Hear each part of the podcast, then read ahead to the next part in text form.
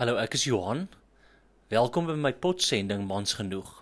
Dit is episode 7 en die tema waaroor ek gesels is hierdie begeerte om die natuur te ervaar.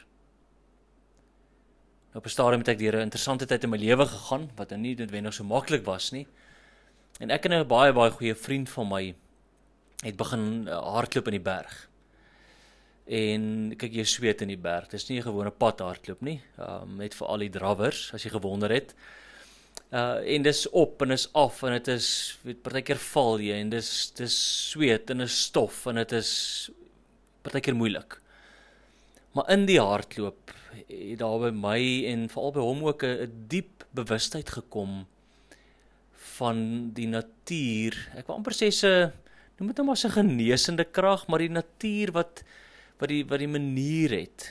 In ons geval was nou die berg en die waterstrome en die mooi veld wat die manier het om om mens te laat oopmaak. Jou oë, jou ore, jou neus, jou lyf, jou hart als maak oop in die natuur. En ons het op een oggend gehardloop en sommer net gaan sit en ek het my selfoon uitgehaal en ons het Psalm 8 gelees wat ek sommer nou vir jou wil lees. As ek die hemel aanskou, die werk van u vingers, die maan en die sterre waaraan u 'n plek gegee het, wat is die mens dan dat u aan hom dink? Die mense kind dat u na hom omsien. U het hom net 'n bietjie minder as 'n hemelse wese gemaak en hom met aansien en eer gekroon. U laat hom heers oor die werk van die hande. U het alles aan hom onderwerp, skape en beeste, alles, selfs die diere in die veld, die voëls in die lug en die visse in die see wat die oseane deurkruis.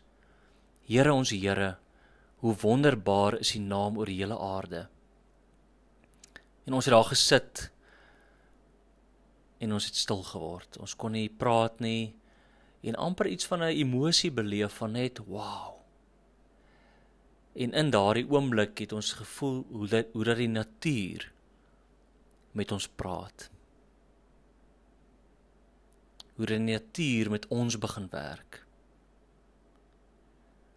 En uh, ja, ek dink ek het maar net daar bewus geword van van 'n God wat 'n mens amper voor lê in rivierbeddings. 'n God wat 'n mens uh voor lê in bergtoppe. 'n God wat 'n mens beraakloop in die woestyn. 'n God wat baie keer deur warrelwinde uh sy teenwoordigheid vir jou wys. 'n God wat in brandende bosse uh baie duidelik word, uh selfs in die windstiltes. En ek dink daarmee sê ek nie dat God en natuur een is nie, maar dat God die natuur gebruik en deur die natuur ook met ons op 'n manier kommunikeer. Die Romeine 1 lees. Ek dink dis dis waarom van die die, die gelowiges of die heiliges ek is ook in stel praat van die visio divina. So hulle sê daar's 'n manier eh, van heilige kyk, 'n manier van heilige sien. So wanneer ons dan so iets sien in die natuur wat vir ons mooi is, dan en ons kyk net daarna, ons staar net daarna, dan raak dit eintlik 'n manier om met ons oë te bid en om deur ons oë te bid. Ja, so ek het gewonder op 'n praktiese vlak, wil jy nie dalk in hierdie week gaan sit in die natuur? Net vir 'n oomblik stil wees en hou net alles dop wat rondom jou gebeur, die voeltjie wat daar vlieg, die water wat jy hoor, die gras wat jy dalk ruik, die boom wat jy hoor daar gaan 'n wind deur. En dan wanneer jy iets sien wat jou aandag trek, of enigiets wat mooi is, wat selfs lekker ruik, gesels met God daaroor praat met hom oor dit wat sommer net in jou hart opkom. Of gaan stap in 'n kunsgalery. En wees bewus van watter van die kunswerke trek jou aandag. Miskien ek persoonlik hou baie van beeldhou werk. Miskien is dit 'n beeld. Miskien is dit 'n groot skildery. Ehm um,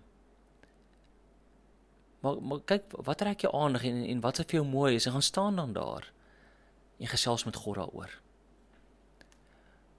ander wat jy kan doen, jy kan heel waarskynlik hierdie week 'n paar minute uitsit en net rustig Psalm 8 lees. Die Psalm wat ek uh, voor ehm um, vroeër gelees het. en gesels met God daaroor. En onthou, wees mans genoeg om gewoontes aan te leer waar jy gereeld die mooi in die lewe kan raak sien.